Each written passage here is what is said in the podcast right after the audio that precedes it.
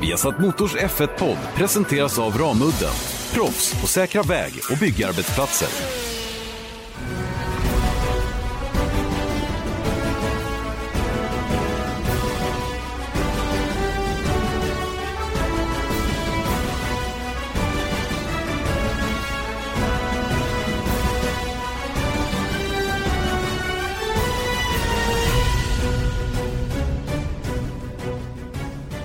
Mycket välkomna ska ni vara till Viasat Motors Formel 1-podd. Formel 1-podden med Janne Blomqvist och Erik Stenborg. Som idag naturligtvis pratar om eh, det senaste racet, Frankrikes Grand Prix. Som eh, kanske inte blev riktigt vad folk hade väntat sig. Jag har fått mycket kritik i efterhand naturligtvis eh, med anledning av att det inte blev så spännande som man hade önskat sig. Eh, vad betyder det här då? Jo, eh, att eh, vi måste börja kolla på om det faktiskt går att göra några förändringar redan nu. Så att eh, det tar vi tur med självklart. Vi pratar lite grann överraskningar och besvikelser och vi pratar lite nyheter också inför kommande helg. Österrikes Grand Prix som vi också går in lite grann på. Erik Stenborg, eh, vi är lite sena idag. Mm. Så kan det bli fel. ibland. Nej, fel och fel, men livet, livet pågår ju även vid sidan av podden. Ja, livet kommer emellan så att säga. Så nu sitter jag här i min poddstudio, inte i bilen utan i förrådet. Exakt, det är jätte, jättebra. Det är precis där du ska vara. Ehm, eh, ska, ja, det är väl lika bra att kasta sig rakt in i det här. För att det har ju varit mycket åsikter om Frankrikes Grand Prix.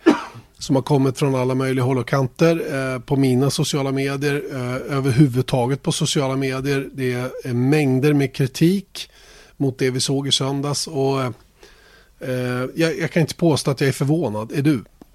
Nej, det kan man inte säga. Men alltså det är ju lite, det ligger ju i tiden med sådana här reaktioner överlag tycker jag.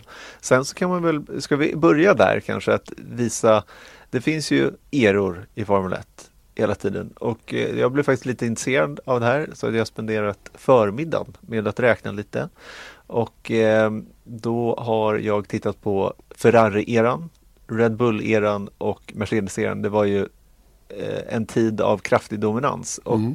vi kan väl övergripande bara konstatera att den här eran är den mest dominanta. Utav, Av- utav av de, de tre. tre. Ja, just, Det, just det. Har du några siffror då som backar upp det här? Oh ja, det har körts 108 race de senaste fem åren eh, mellan då Australiens GP 2014 och Frankrike 2019. Eh, och det är ju då när eh, turbo och hybrid-eran togs i bruk och då eh, Mercedes dominans tog sin början. Eh, av de här 108 racen har Mercedes vunnit 82 stycken, Ferrari 14 och Red Bull 12. Alltså de har vunnit 75,92 race under den här tiden. Mm. Kan man gå vidare till Ferrari-eran då Michael Schumacher och eh, Ferrari var så dominanta. Eh, och det här var ju då främst då mellan eh, år 2000 och 2004. Då kördes 85 race genom de eh, fem åren. Och där vann Ferrari 57, McLaren 15, Williams 10, Renault 2, Jordan 1. Men poängen då att den här dominanta Ferrari, de vann då 67,05 procent av racen. Alltså det är ju eh, ja, ungefär 8 procent mindre dominanta än, Merce- än Mercedes. Mm. Och så kan man gå vidare till Red Bull-eran som var mycket mer eh, nyligen. 2010 till 2013 så vann de eh, allt som eh, gick i stort sett och då kördes 77 race. Red Bull vann 41, McLaren 18, Ferrari 11, Mercedes 4, Lotus 2 och Williams 1. Och då den här huvudsiffran för att titta på hur dominanta Red Bull faktiskt var så vann de 53,24 procent. Så då har vi alltså 75,92 mot 67,05 och 53,24. Mm. Eh, och, det, och det leder oss lite grann att titta på, på, på det här då självklart. Och eh, eh, varför det ser ut på det här viset som det gör. Vi kan konstatera att Red Bull-eran var den, den mest jämna, om vi ska kalla det så. Eh, sett till att det var en väldigt dominant era för Red Bull. Och Mercedes-eran är minst jämna då, där de har varit förbluffande eh, överlägsna då, sett till hur många racevinster de har tagit. Eh, och det finns ju många förklaringar till det här givetvis, varför det ser ut som det gör. Eh, hybrideran är ju lite speciell, för den var ju väldigt problematisk redan från början. Och den, den, eh, det var ju det mest komplicerade reglementet som Formel 1 någonsin har presenterat, uppfattar jag det som. Håller du med? Ja, utan tvekan tror jag. Och det var ju just den här, om man tittar på första året där. Det var ju egentligen bara Mercedes-motorerna som fungerade. Som de skulle i alla fall. Eh, jag vet inte hur många liksom DNFs som Mercedes som team hade som eh, det året. Eh, säkert, de hade också problem men de var ju bulletproof i jämförelse med exempelvis Renault. Ja, men jag vet ju hur det var första året till exempel som säkert är en stor anledning till den övervägande procentsatsen så att säga för den här eran med Mercedes. Eh, Red Bull-motorerna gick ju knappt. Eh, Ferrari hade en alldeles, alldeles för tung och för, för dålig motor jämfört med Mercedes. Och då blir det ju självklart eh, lätt att de skaffar sig ett övertag som de sen har nytta av då resten av de här åren när man har hållit på. Då, de 108 race som har, som har körts nu då från och med Australien 2014 fram till Frankrikes GP senast. Så, så är din uppfattning då att, att den här eran verkligen är mer dominant från Mercedes sida sett till sett till hur bra bil de har producerat och så vidare jämfört med Ferrari 2000 till 2004. För Ferrari var ju bra redan egentligen från 97 mm. och framåt. 97 vet vi hur det blev. De blev snuvade på VM-titeln det året och 98-99 eh, så, så hade det sin anledning. 99 körde till Schumacher ett antal race till exempel och så vidare. Så det, det, är lite svårt att, att likställa dem eller sätta likhetstecken med varje sån här era på det sättet. Ja, men det som jag tycker ändå är talande är att visst, då var Ferrari vann 57 race, McLaren 15. Det var väl liksom på, och Williams 10 då, så det är väl lite på par då med eh, Mercedes, eh, Ferrari och Red Bull i den här eran. Poängen är då att, och det här är inte så, så mycket, men det var ändå att Renault kunde vinna. Jordan vann ett race. Att det fanns avarter åtminstone. Det var otroligt få. Det ska man, det ska man faktiskt komma ihåg också. Så det var inte så att okej, okay, Ferrari var dominanta men no, ett team kunde vinna hur som helst. Men poängen är bara att de här siffrorna ljuger ju inte i form av att det är bara de här tre teamen som har vunnit. Alltså Mercedes, Ferrari och Red Bull under den här eran. Och det tycker jag talar sitt tydliga språk. Och då är vi inte bara på motor, eh, liksom komplicerade motorer utan det är ju den här budget eh, eller budgetskillnaderna då mellan teamen som också spelar roll. Ja fast har inte den, har inte den varit lika stor hela tiden? Jag tror, alltså jag, jag kan inte säga men min gut feeling runt den grejen är att ju längre man har liksom tillåtit spendera hur mycket som helst, vilket man, man har idag, så tror jag ändå att skillnaden har blivit större. För att jag menar, det fanns fortfarande så att det var enorma skillnader mellan Ferrari och Jordan under Ferrari-eran så att säga. Men, men jag tror procentuellt sett så tror jag inte att Ferrari hade tre gånger så mycket. Ah, som jag, alla team. Nej, ja, det... men jag, jag, tänker liksom spridningen på alla team. Ja, jag fattar. Jag fattar. Ja, men å andra sidan hade vi på den tiden då, Ferrari hade ju möjlighet att köra en, de, de till exempel till, de hade ju en egen bil som Bridgestone hade tillgång till. Så mm. de kunde köra och testa fram däck. Eh, det var något år, det är en siffra jag ofta brukar ta fram, de, de testade 137 olika gummiblandningar åt Ferrari under ett mm. år. Mm. De testade 50 000 kilometer eller vad det var. Det var ju, det var ju, det var ju helt, det var ju absurda siffror som man hörde det på den tiden också.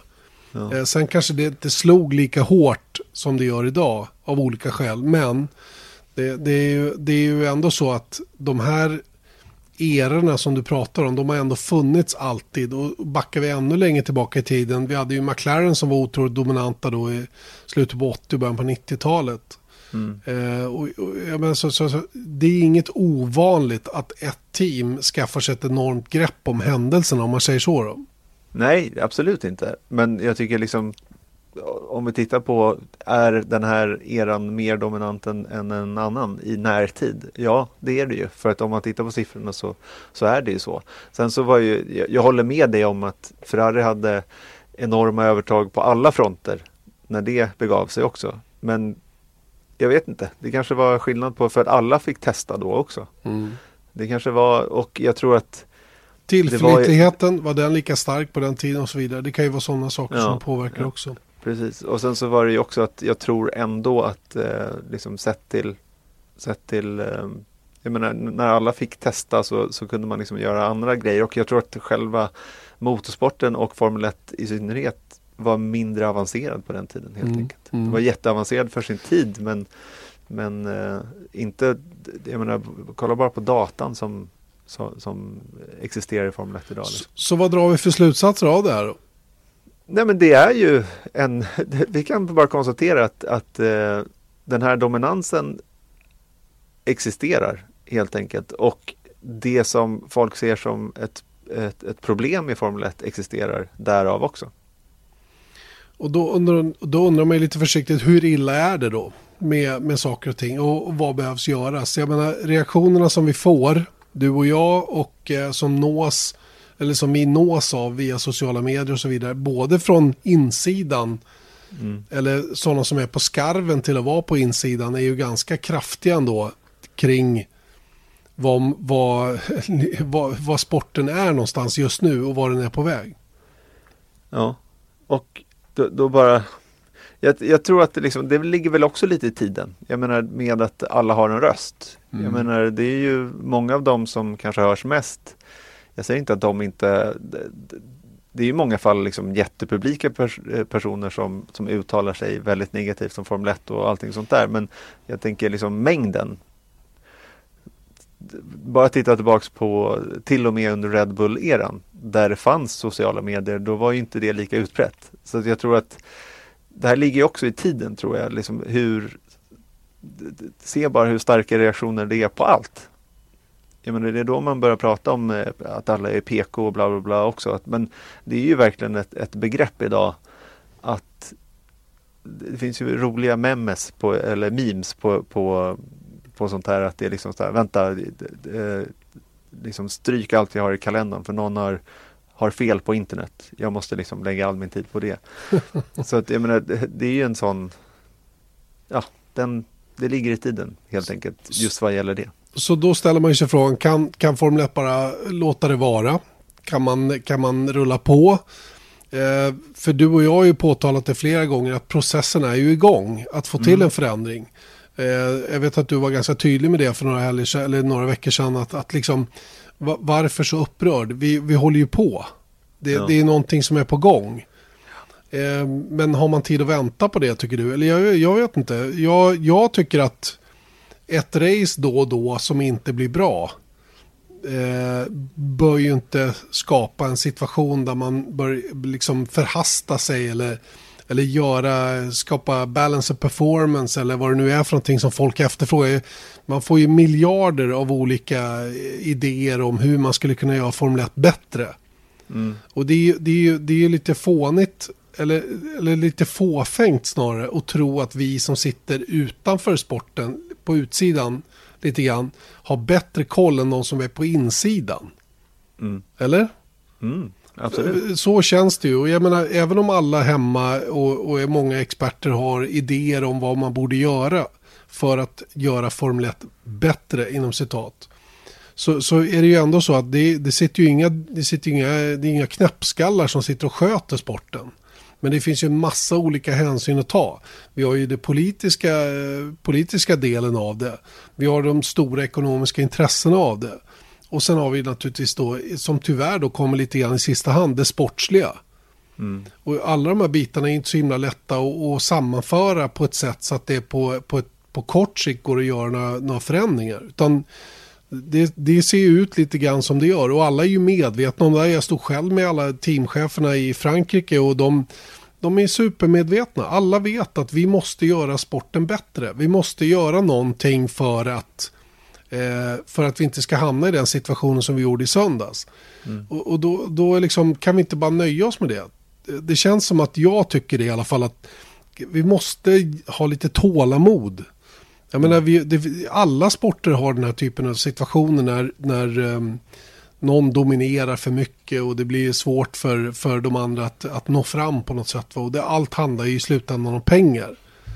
Och, och, man, måste, man måste ha lite tålamod för att eh, liksom komma till rätta med problemet, det riktiga problemet så att säga. Mm. Ja, jag håller med dig i det du säger, men sen så ska jag bara liksom eh, Två saker. Dels så kan jag säga att jag är besviken på den här säsongen. Jag, det här var inte alls vad jag hade trott eller hoppats att det skulle bli. Jag, jag trodde ju snarare att om det var någon som skulle dominera så var det Ferrari. Så, att, så, så lurad blev man liksom under försäsongen och kanske det kanske inte fanns något liksom vettigt att gå på där. Uppenbarligen så gjorde det inte det. Men, men det är klart att jag är verkligen besviken helt mm. enkelt på, mm. på hur det blev. Men nummer två har jag redan glömt bort vad jag skulle säga. Eh, det är sent på kvällen ja, nu. Så är det. Nej, men det, det finns ju en, en, väldigt tydlig, om man jämför då 2018, en mestadels, två tredjedelar var jättebra tycker jag, den säsongen. Mm. Fight mellan Mercedes och, eh, och Ryan Reynolds här från Mint Mobile. Priset på nästan allt som går upp under inflationen, trodde vi att vi skulle bring våra priser down. So to help us, we brought in a reverse auctioneer, which is apparently a thing. Mint Mobile unlimited premium wireless. Ready to get 30, 30, bit to get 30, bit to get 20, 20, 20, bit to get 20, 20, bit to get 15, 15, 15, 15 just 15 bucks a month. So, Give it a try at mintmobile.com/switch. slash $45 up front for 3 months plus taxes and fees. Promo rate for new customers for limited time. Unlimited more than 40 gigabytes per month slows. Full terms at mintmobile.com. Ferrari.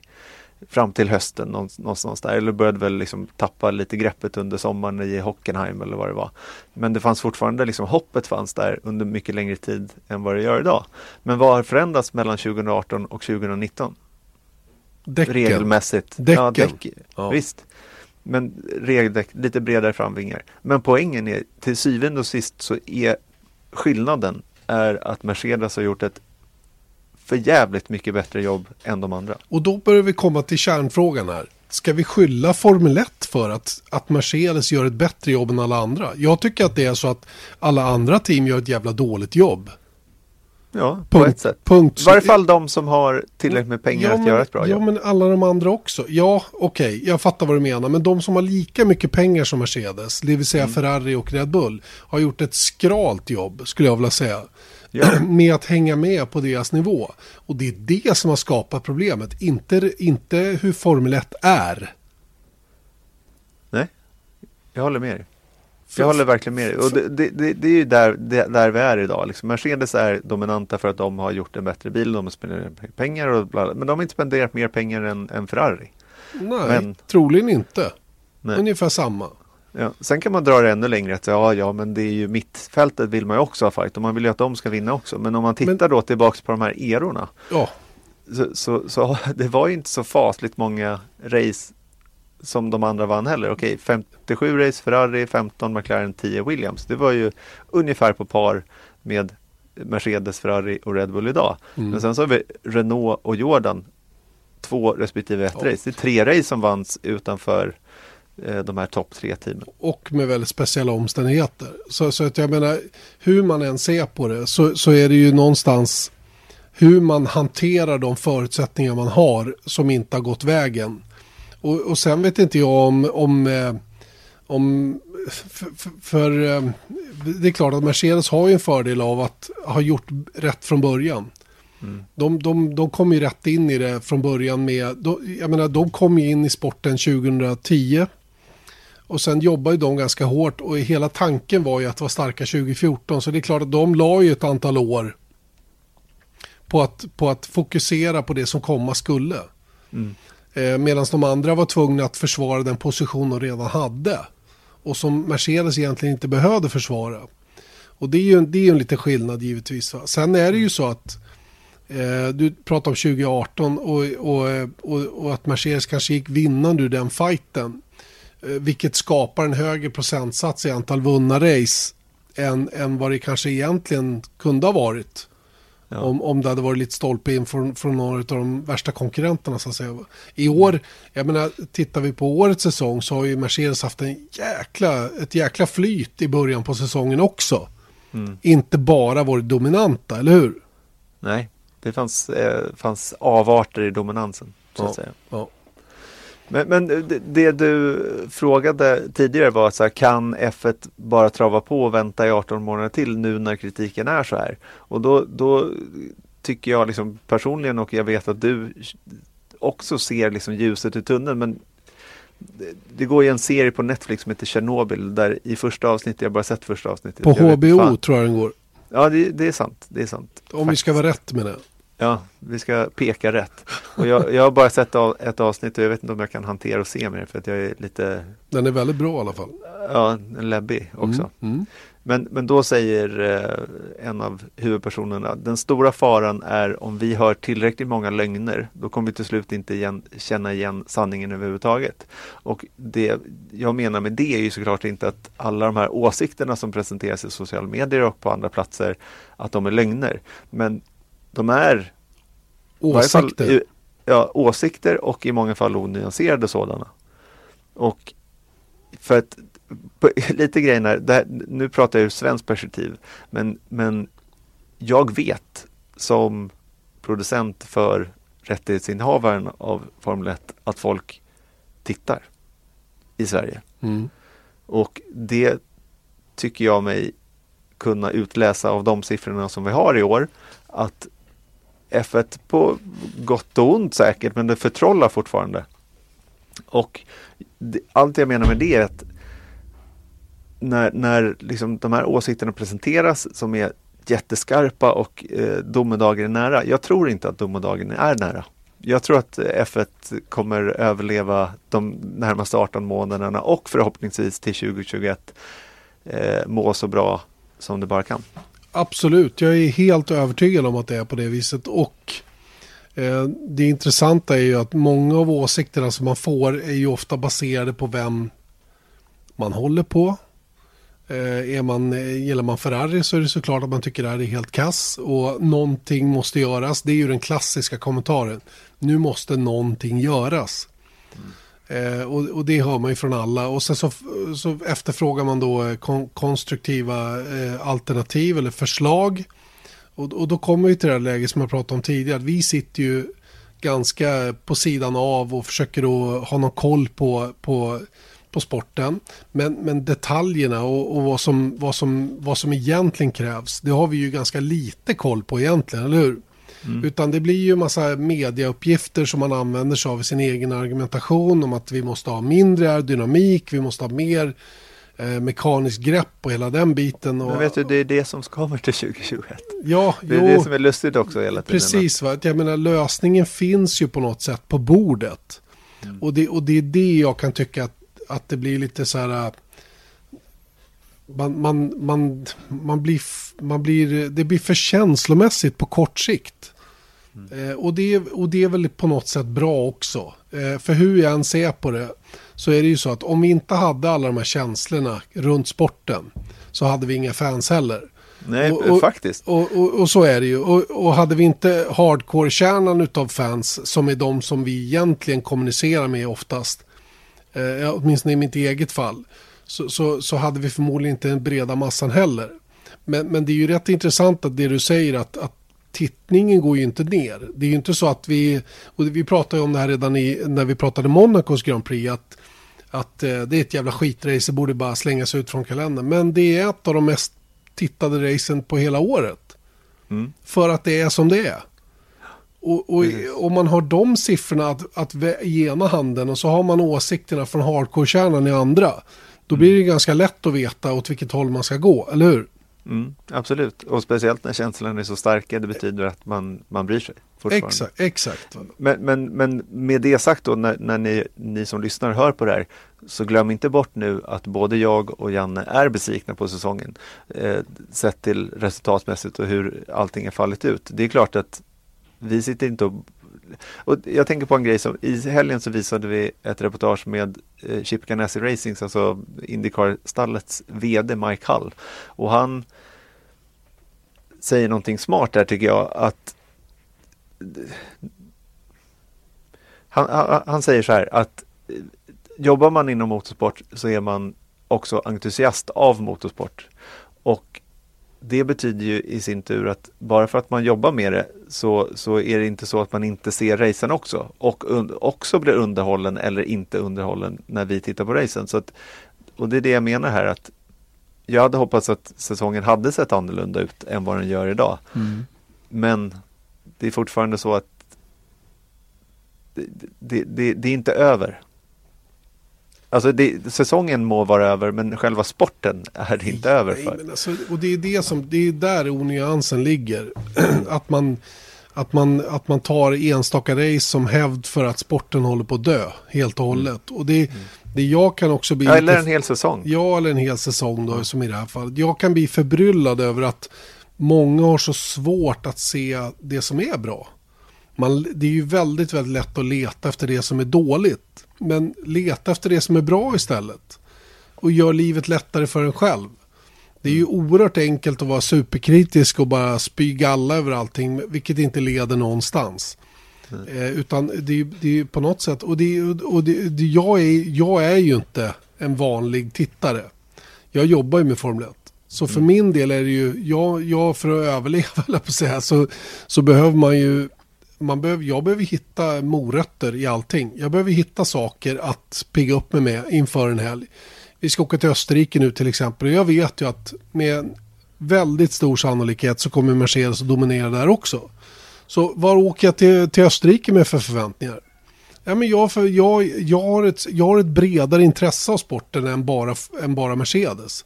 Och det är det kanske man behöver ha. Att, att, eh, självklart är det så att många har sitt favoritstall. Och är, är man Mercedes-fan då låter man kanske inte så mycket just nu. Utan då tycker man det är rätt okej att, att Merca dominerar och, och hela den biten. va. Men är man Ferrari eller Red Bull eller något annat stalls favorit som man har.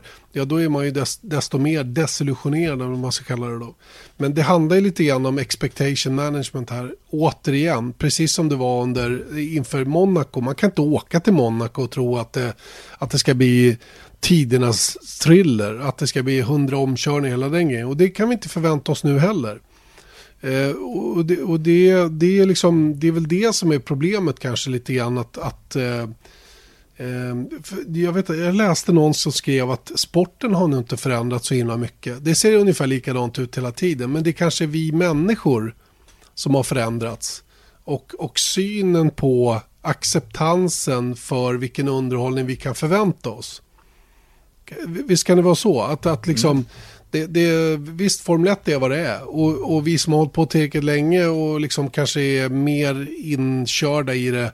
Vi kan leva med det på ett annat sätt. Eh, Ja, jag, jag skulle ändå säga då att så här, okej, så kommer hela den här eh, vinkeln då på att ja, men i en, den nya världen så måste så ställs högre krav på underhållning. Jag Mm. menar, ju, jag menar, var du motorsportsfan Eh, för 20 år sedan så då liksom tillgängligheten var inte så hög eh, överlag. Liksom. Så, och nu finns det mycket, och även utanför motorsport så är det, du vet det här att med, med kidsen, de, de tittar inte på Formel 1. Alla som tittar eh, eh på, på F1 eh, ligger i, i, för döden inom kort. Liksom. Så det stämmer ju inte riktigt heller. Men, men, eh, ja, men jag tycker bara att jag tycker nästan man kan, de gör saker nu, siktar mot 2021 och nästa år är ett nytt år. Mm. Menar, och då, då, de man ska klaga på är Ferrari och Red Bull som har förutsättningen att, att eh, göra lika bra bilar som Mercedes. Ja, de kan göra livet surt för Mercedes. De behöver inte slå Mercedes. Det är inte det jag säger. Men de kan åtminstone ta fighten. Och det har de inte lyckats göra hittills. Så de som ska ha störst kritik, det är faktiskt de två teamen. Som, som ändå med de förutsättningar som gäller idag inte har gjort ett tillräckligt bra jobb. Det tycker jag, ju, det tycker jag är under all kritik. Om jag ska vara riktigt ärlig. Det är det jag är mest besviken över. Om jag ser tillbaka på de här åtta första racen som vi har kört nu. Att, att team med de resurserna inte kan göra ett bättre jobb. Och jag kan bli mer frapperad över hur Ferrari, Ferraris missmanagement fortsätter. Att, att Red Bull som de är då jobbar fram och tillbaka med olika motorleverantörer klagar över eh, situationen som de har hamnat i. Men, men, men Merca de bara tuggar på liksom på något sätt. Och det är ju det. Det är, det är ett större problem tycker jag än att, att sporten är på väg åt fel håll rent generellt. För, för det, det kan inte jag tycka. Eh, om vi, om vi ser det i det väldigt stora perspektivet. Sen finns det en massa detaljer givetvis. Och jag antar att vi kommer in på det också. Hur, hur man hanterar situationer som den i Kanada. Hur man hanterar situationer som någon som uppstod nu i, i, i Frankrike. Och vad man gör åt, åt folks uppfattning om hur racing ska köras och så vidare. Då, då, men då kommer vi ner på lite mindre beståndsdelar eller vad ska jag kalla det då. Ja, ja men det här är väl en väldigt övergripande diskussion. Sådana. Men om vi, om vi ställer oss själva några hypotetiska frågor då. Kan F1, kan man förändra F1 till 2020? Nej, kort och gott inte. För det, det är för kort om tid och det, det, det är ännu mer kostnadskrävande att göra stora förändringar på, från en säsong till en annan. Så, och det är därför, varför tror ni vi inte har fått de nya reglerna för 2021 ännu? Det är för att man är extremt noga med att det här ska bli rätt.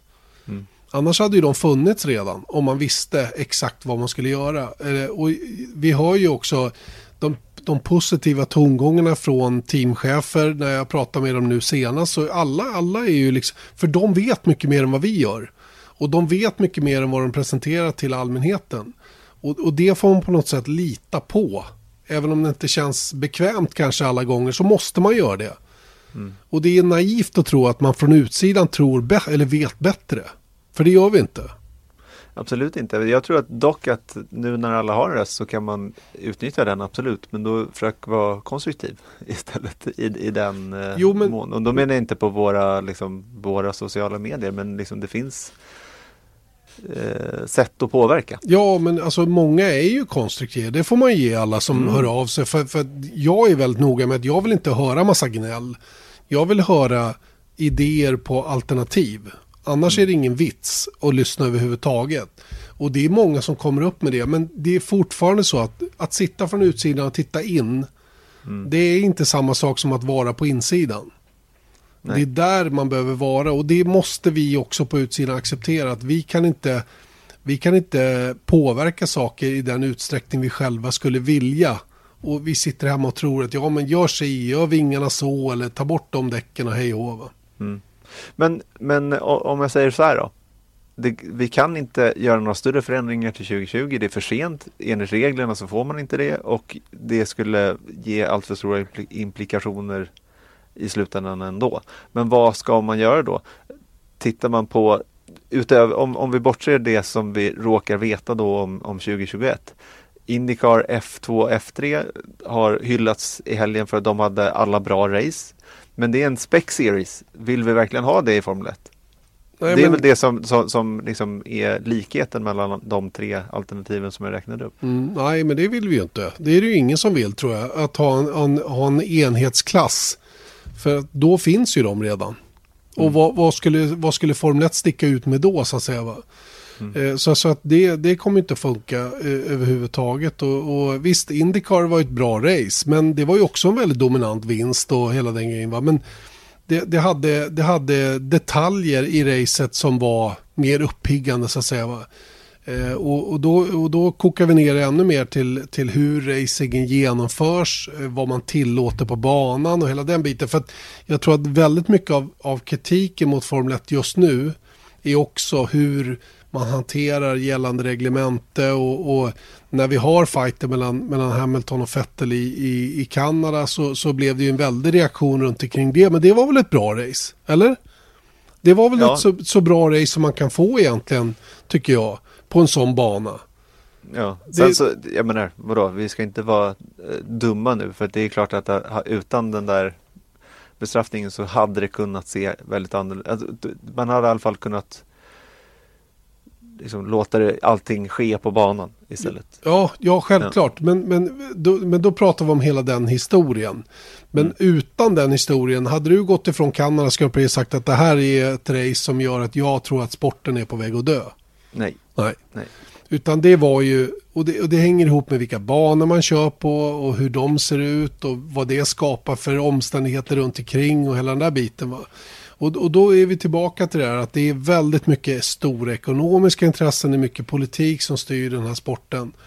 Eh, förutom det sportsliga så att säga. Och tyvärr hamnar ju sport, det sportsliga lite grann i tredje hand.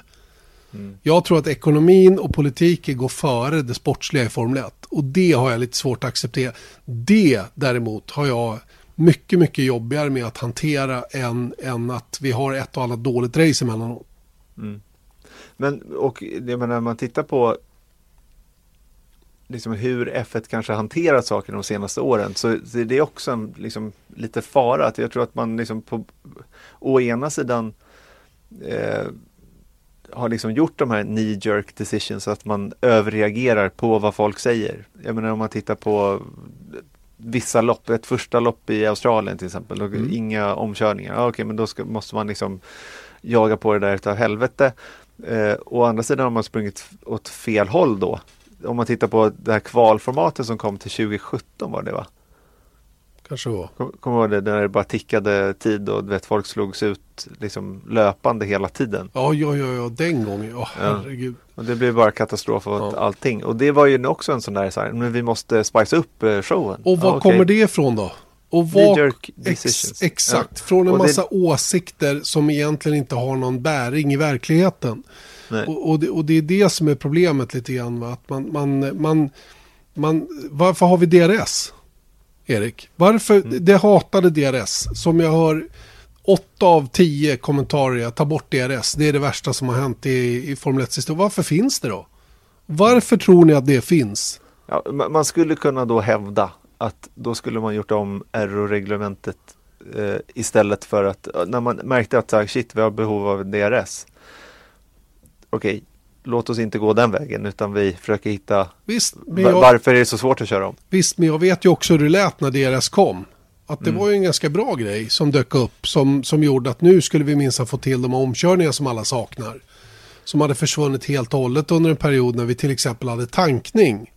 Som Ja, många det där är väl också typiskt. Jag vill bara säga det att i, i min uppfattning så var DRS inget välkommet beslut generellt sett när det infördes. Jag tror att det var väldigt mycket kritik runt det också. På samma sätt som det är idag. Att det är eh, eh, liksom fictional.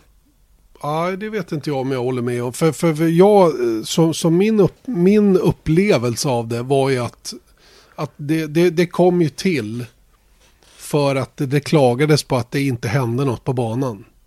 Och man skap, Absolut. man skap, jo men tanken var ju god. Ja, tanken var god men ja, det ja, slog men det, fel. Ja, ja, visst, men det visste man ju inte när man införde det. Men införandet kom ju för att det hade kommit en massa synpunkter på att det inte gick att köra om. Och hade man fått till det där, sen var kanske inte just DRS och DRS-funktionen det bästa sättet. Vi sitter ju idag och kollar Indycar var och varannan helg som har sitt push to pass. Som är, som, som är exakt samma sak. Fast på ett annat sätt. Och som kanske funkar lite bättre. Det fanns andra lösningar. Men det var helt klart så att man behövde ett om, omkörningsfrämjande hjälpmedel eh, i Formel 1. Som då till slut dök upp. Eh, och jag menar, det, och det kom ju inte av sig själv. Eller hur? Absolut inte, men det, det kanske är där då man, man ser det som att så här, okej, nu när vi ska behöva vänta på i 18 månader till. Jag vill upprepa då att det det finns en ny chans 2020 eh, som kanske blir jättebra. Eh, men det- är väl liksom, ibland så skulle man önska att det var lite mera lättfotat. Mm. Formel 1 för att kunna se så här, okej men vi, vi testar med DRS, nej men det funkar inte, vi tar bort det till nästa år och så gör vi någonting annat. Eller om två år så gör vi mer mekaniskt grepp, det är nog där vi har problemet. Liksom att, Kostar, att- det, kostar det pengar tror du? absolut, men det är ju skillnad då på, och det är det här jag menar med det fina med 2021. Det är ju den här budgetbegränsningen som ska in. Mm. För då är det fortfarande, då kan man, jag upplever då att så här, om någonting inte funkar till 2021, ja men då ändrar vi det till 2022.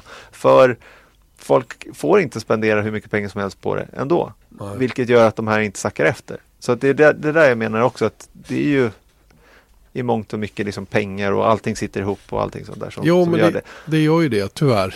Och jag menar, ju mer du ändrar i reglementet, ju större påverkan får hur mycket budget du har. Mm. Det är ju faktiskt så, tyvärr. För ju mer R&D du kan göra runt en ny reglementsändring, det är ju det som är kritiken mot att det dröjer med att få det nya reglementet eh, spikat. Det är ju att ju längre tid det dröjer, ju större ju mindre tid får de små teamen att faktiskt fokusera på det nya. Samtidigt som de stora teamen har råd, så länge det inte är något budgettak, att faktiskt kolla på 2021 redan nu.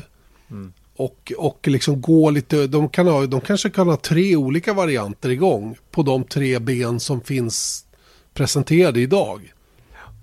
Ett, li, ett litet team har inte de möjligheterna, vilket gör att det blir ännu större skillnader. Men hörni, låt oss eh, blicka framåt, försöka se ljuset i tunneln och, eh, och eh, njuta av Formel 1 på de vis det går. Mm. Typ. För jag vet att det är väldigt många som kollar fortfarande. Ska vi avsluta där? tycker jag. Vi har satt Motors Formel 1-podd som eh, pratat förra helgens race eh, och är klara med det nu. vi, Nej, det är vi inte alls. nej, det är vi inte i och för sig. Men vi, vi är i alla fall klara med det som har, det har varit väldigt mycket kritik runt då. Eh, det faktum att det inte blev Ja, det blev helt enkelt ett, ett race där det var total dominans och ingen tyckte att det var någon, någon, någon fight överhuvudtaget. Men det fanns en hel del överraskningar och besvikelser i alla fall. Eller hur? Ja. Börja du. Ja, och då ska jag utan vi, för jag pratade om det här teamet egentligen hela helgen, från fredag fram till söndag kväll. Och det är McLaren. Jag tycker att de, eh, de, eh, de visade eh, på otroliga framsteg. Eh, de har fått jättemycket beröm för sin on-track, eh, on-track operation. Det vill säga att eh, allt som är nytt på bilen, allt som man tar med sig till varje tävling funkar. Björn Wirdheim sa att det är precis det som det handlar om. Att om du tar med en uppdatering så vill du att de funkar på bilen. De blev P6, P9 i racet efter diverse domslut på slutet. Eh, Hade kunnat varit ännu bättre om bilen hade hållit för Lando Norris som blev nio då i slutändan. Men sjätteplatsen för Carlos Sainz den, den understryker att de är fjärde snabbaste team just nu. Och det, det måste jag säga, det är ett sånt jättekliv framåt. De, tog, de alltså förbättrat sig med tre och en halv sekund från året innan till i år just i Frankrike. Det säger rätt mycket. Absolut, och speciellt då när de är bättre än den motorleverantör de har, alltså fabriksteamet Renault. Det tycker jag är starkt också. Ja, och speciellt att göra det i Frankrike av alla ställen. För det var ju där Renault verkligen skulle liksom kliva fram, visa att de, eh, de, de är på tårna. De hade ett jätteuppdateringspaket. De hade också en Spec 3 av sin motor som Hylkenberg valde att inte köra i Frankrike för han visste att den här banan var liksom svår i största allmänhet. Han tror att han har större nytta av att använda den i, i Österrike. Eh, har jag fått reda på i efterhand. Så, så därav anledningen då, för den första uppgiften var ju att de bara hade fått fram en ny motor. Jag gissar att det kommer en Spec 3-motor hos McLaren också då från och med, från och med Österrikes Grand Prix då, både för Lando Norris och för, eh, för Carlos Sainz. Så att eh, Renault, eh, var, Renault levde inte upp till mina förväntningar riktigt va, men, men McLaren gjorde det definitivt. Ja, men då tycker jag ändå att Renault kan förtjäna en överraskningsstämpel ändå. För att jag tycker att deras, den fart de visade i Kanada, racet innan, är typbekräftad nu. Och det är bra. Ja, så får man väl ändå, det, det kan man konstatera. Och kan de backa upp det ytterligare en helg. Och det är det här som jag är, är nyfiken på när det gäller McLaren. Precis det du pratar om kring Renault. Eh, de måste göra det här varje helg. Inte bara enstaka helger. Det får inte vara några plumpar i protokollet. Det är superviktigt för McLaren om jag ska tycka att de verkligen är fyra, femma i, i konstruktörs-VM och, och, kommer att vara på den positionen också när säsongen är slut. Mm. Jag eh, ska sparka på den som ligger ner och sparka in eh, samtidigt då sparka in en boll i öppet mål och då, då säger jag en besvikelse att det är Ferrari. Eh, jag tycker bara att det är en rolig rubrik nu på Autosport som där Ferrari konstaterar att de kanske ska sacrifice top speed for downforce, alltså eh, offra lite toppfart mot mer downforce. Kom de på det nu? Kan man undra. Men vet du vad? Jag läste Gary Anderssons analys av Mercedes och Ferrari som han gjorde nu efter Frankrikes Grand Prix och jag börjar fatta lite mer vad det har handlat om. Eh, vi gjorde en jättestor sak, eller många gjorde en jättestor sak av bakhjulupphängningen på Mercan i Kanada.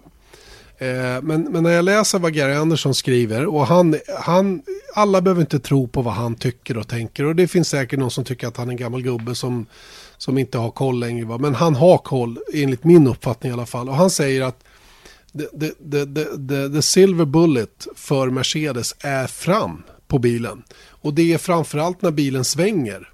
Det vill säga i långsamma kurvor. Där bilen spenderar mest tid rent pr- eh, procentuellt. Och han menar ju på att när, när hjulen svänger så ändrar ju de luftflödena såklart jämfört med när bilen går rakt fram. Och, och när, de har hittat någonting som gör att bilen skapar downforce under den sekvensen när du faktiskt har vridit på ratten. Eh, och att den framvingen de har valt att använda då, i likhet med några till, eh, ändå, eh, eh den genererar, genererar, mer downforce helt enkelt. Eh, peak downforce som det heter då, in i kurvan. Och det är här Ferrari saknar eh, eh saknar downforce jämfört med Mercedes och det är där de tappar tiden. Eh, där de istället för, ju mer, ju mer styrvinkel de lägger på, ju mer understyrt får de. Medan eh, Mercedesen i, i själva verket då, ju mer styrlock de lägger på får mer downforce från hur luftströmmarna går mot främre delen på golvet från framvingen. Och det gör att de då får ett litet övertag. Och i och med att det är som vi sa då procentuellt sett mest tid i långsamma kurvor. Det behöver inte vara jättemycket de tjänar där men det blir det. Det, det blir liksom, det bygger ju på. Mm. Och, och där verkar det vara där verkar vara, det verkar vara grejen som de har lyckats med till i år jämfört med andra. Och det, det, kan, jag, det kan backas upp av det James Allison sa till mig i Kanada när han bara skrattade åt rapporterna om bakre hjulupphängningen. För han sa det är dynamiken. Vi har en bra aerodynamisk plattform säger han. Och, och menar på att det är ju i framänden lika mycket som, det är, det är inte bara det här som jag beskriver, men det är, det är en del av det i ett sammantaget paket som gör att mm. Mercedes faktiskt sopa banan med Ferrari just nu. Och det, det James Allison sa i den intervjun, vilket jag tycker är lite kul då, för det där plockade Autosport upp och eh, just den där grejen att det skulle vara rear wheel steering och allting sånt där. Det var ju att han, han, eh, de fnittrar internt då över, över den grejen och det han säger då är att it was a, eh, förbättringen från i fjol till, till i år i långsamma kurvor sa han var att it was a downforce problem an, eh, or a aerodynamic problem with an aerodynamic solution. Mm. Så det är eh, det du säger. Ja, men, och det här med, med rear wheel steering då som det har pratats om. Det här är ju lösningar som alla team har jobbat på i olika utsträckning. Så det är inte bara Mercedes och de har säkert hjälp av det också för att rotera bilen bättre i långsamma kurvor. Så det, det är som jag säger, det är inte bara en sak som gör att de är överlägsna. Men säg att de skaffar sig 4-5% bara i fram i långsamma svängar, ja men då är de ju hemma. Då, mm. då, det räcker.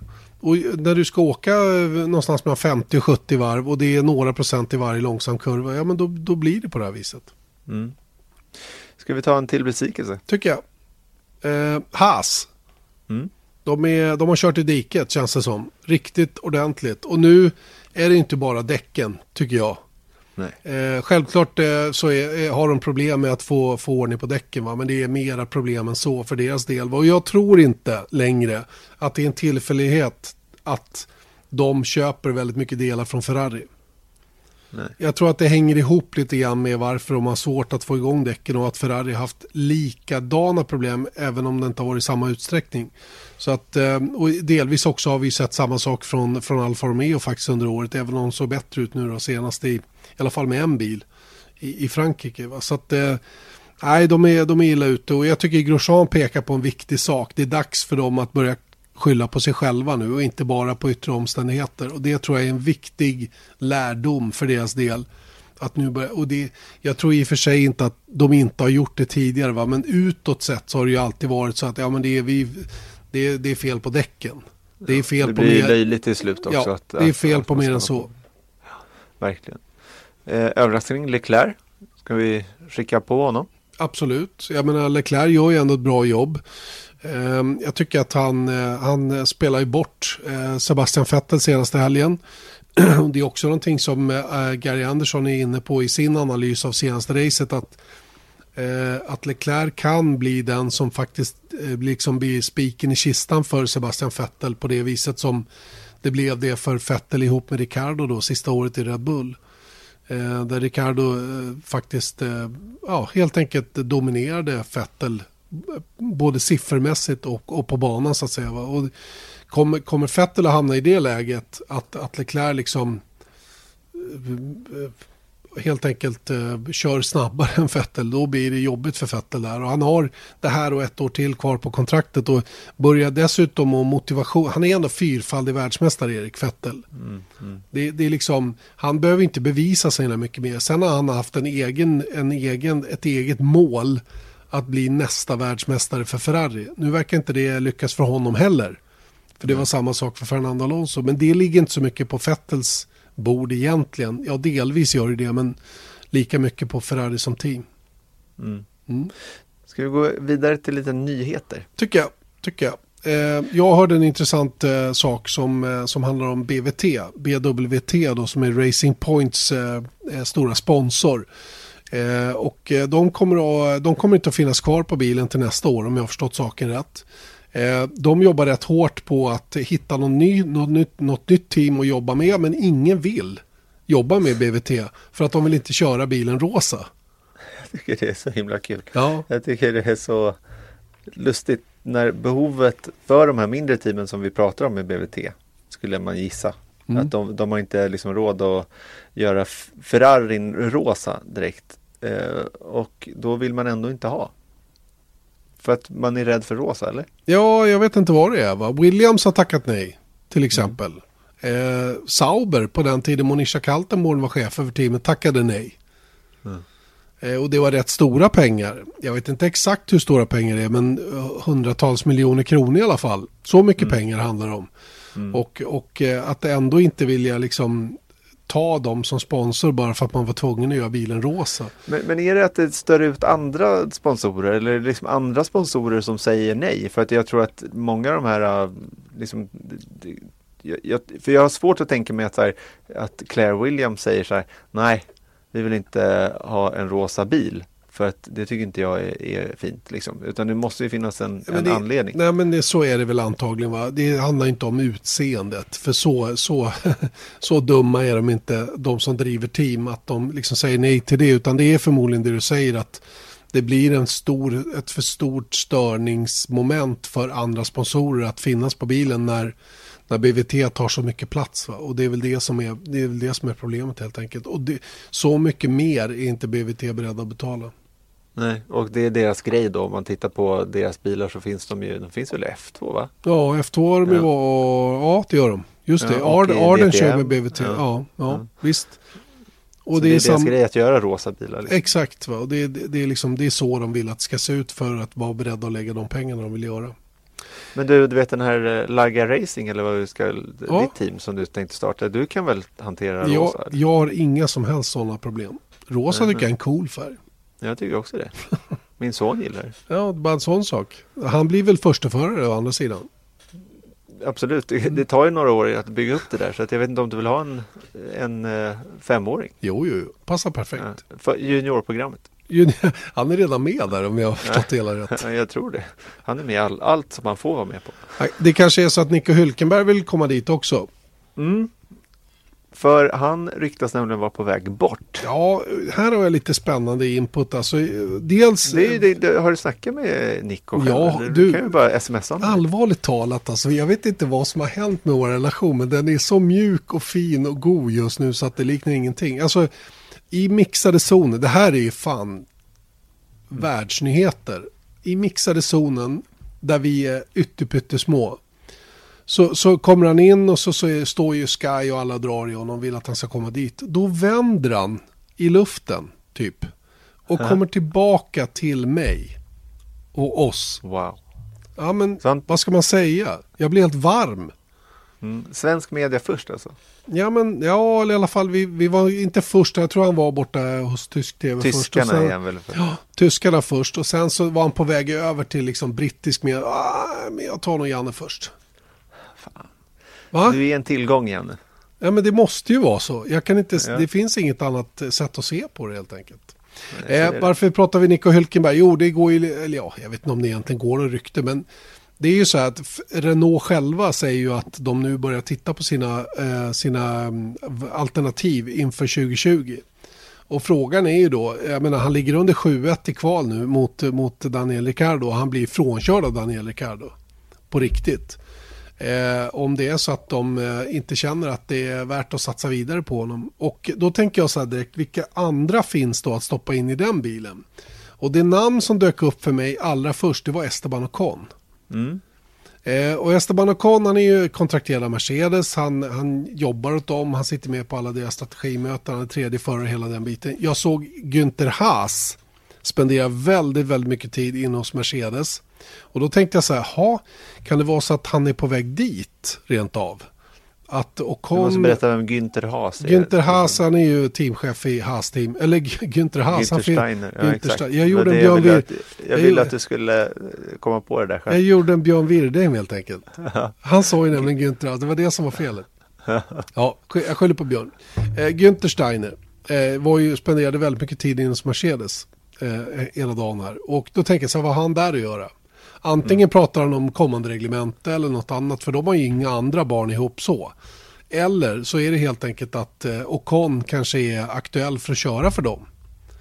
Och att eh, Toto Wolf då som väldigt mycket är mer eller mindre manager åt Ocon börjar kolla över. Han inser att det är inte läge att stoppa honom i vårt fabriksteam så länge som hans karriär pågår. Och då gäller det att hitta andra alternativ. Och då skulle ju Haas kunna vara ett men Renault skulle kunna ha varit ett, an- varit annat.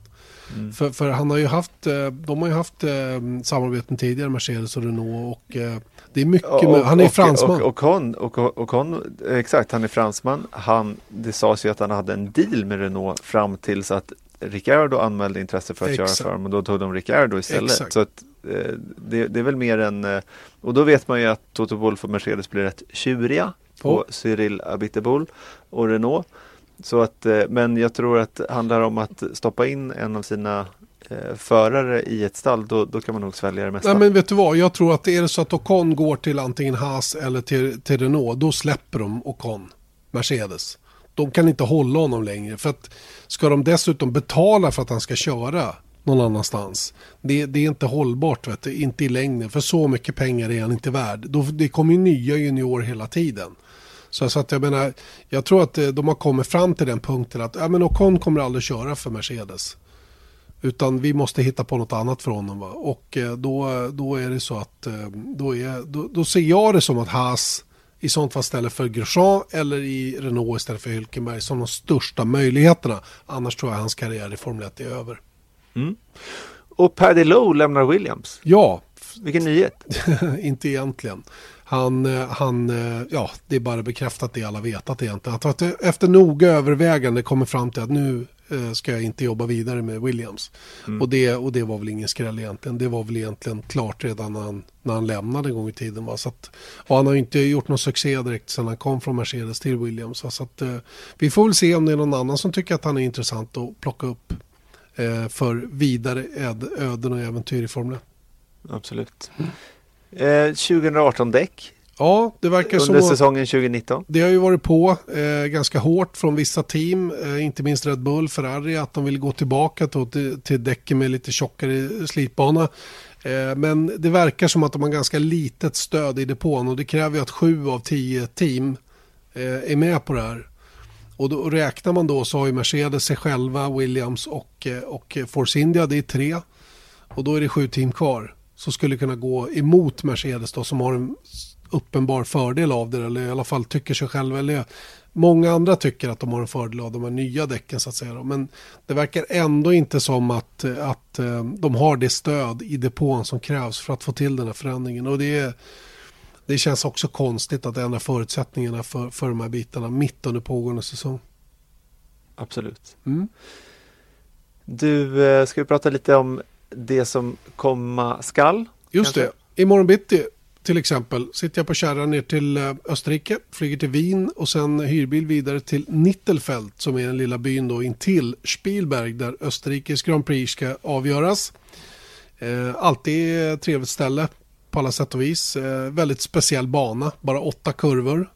Eh, kort varv, en dryg minut i varvtid och, och slät, väldigt slät asfalt som inte genererar speciellt mycket energi i däcken. Eh, så att eh, det här ska bli intressant att se vad, vad, det, vad det kommer att ge. Det här är en bana som Valtteri Bottas har varit stark på tidigare.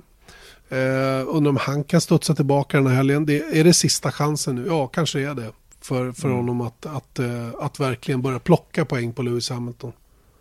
Jag tror det faktiskt. Men jag, jag tycker att eh, Red Bull Ring, om inte annat på tv-spel, Janne, Mm. så gillar jag att köra, köra Red Bull Ring. Eh, men jag, jag gillar omgivningen och jag gillar banan. Ja, den ligger som en, eh, hela banan ligger som en sluttning. Eh, med start och mål längst ner och eh, bortre bak, eller vad ska jag kalla det bakrakan då, mellan kurva 3 och 4 ligger högst upp på sluttningen. Då. Det är 60 meter tror jag höjdskillnad däremellan. Så att, eh, det är ganska brant uppför mellan kurva 2 upp till kurva 3 där. Verkligen. Och eh, förra året så vann Max Verstappen. Ja, Kanske kulmen på hans liksom comeback. Ja. Ja, men det var ju lite intressant i det rep som vi körde senaste helgen att det var precis så. Han var trea, tvåa och etta. De tre Precis. efterföljande racen efter Monacos Grand Prix. Det, det, det var nog så.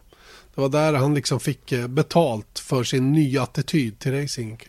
Möjligen. Ab- Absolut. Mm. Så vad förväntar du dig av, eh, av Österrike som slutord? Ja, jag vet inte vad jag ska förvänta mig. Att Merca kommer naturligtvis vara starka där också. Jag ju mycket, mycket svårt att tro att de ska rå på dem där heller.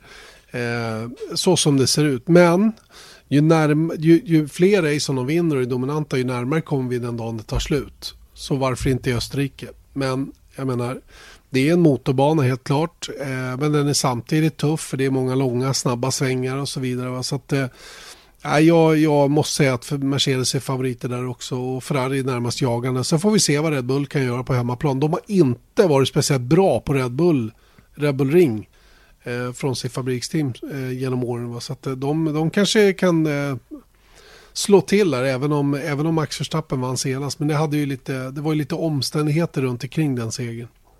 Absolut. Men du, det här kommer vi bjuda på. Vi kommer titta närmare på Racing Point. Racing Point som har varit nästan osynliga i år jämfört med tidigare år. Och vi ska snacka med Ottmar Safnauer och eh, båda förarna. Ja, för spännande. att reda ut ett och annat. För de är ett team som faktiskt är väldigt spännande just nu. De har nya investeringar tack vare sina nya ägare då med Lance Stroll och eh, Lawrence Stroll och gänget. De håller på att bygga ett nytt, eh, ny fabrik i Silverstone och eh, det här är ju ett mellanår för dem. Men var ska de egentligen? Exakt. Väldigt, väldigt spännande att höra från framförallt Ottmar men också hur förarna ser på det. Sergio Perez är ju en veteran numera va? men, men eh, kommer hans sponsorer orka vara kvar ett år till? Hur länge vill Lance Stroll köra vidare som eh, fortsätter att hänga rätt långt bak i kön i alla fall. Trots att han gick till ett mycket bättre team i år än vad han körde för förra året. Absolut. Eh, så det ska vi göra och eh, vi ska också skicka ut dig och Rickard ut, ut längs banan. Herregud, jag måste, Jogga gå, lite. jag måste gå på träningsläger. Ja, det är det du ska göra. Ja. Höghöjdsträning. I know, I know. Ja. Jag, är Ja, det blir en redan, trackwalk. jag är redan helt matt. Mm. Varmt ska det bli också, 30 grader och lite till. Så att, eh, det kan nog bli en tuff, eh, tuff helg för däcken också, tror jag. Mm. Så kommenterar Rickard Rudell ensam på första fredagsträningen så vet ni att det gick inget bra Nej. på torsdagen. Då har JB dörnat av. Mm. Ligger på öv, eller vad heter det? överhettning på uttorkad på sjukhus i I, Salzburg. nej, i Biergarten. Fyller på med bärs.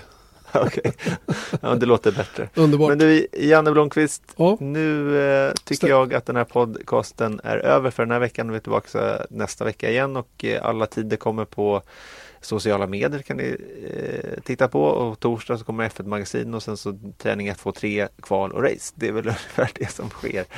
Känns som du har bråttom nu Erik. Ja, men lite, jag känner att klockan är 11 minuter över 10 Ja. och eh, det är väldigt varmt i mitt förråd. Det är sen kväll nu. Vi måste Mm. göra annat nu. Jag måste börja klippa ihop där. Det ordnar sig. Vi hörs om en vecka. Ha det gott så länge. Viasat Motors F1-podd presenteras av Ramudden. Proffs på säkra väg och byggarbetsplatser.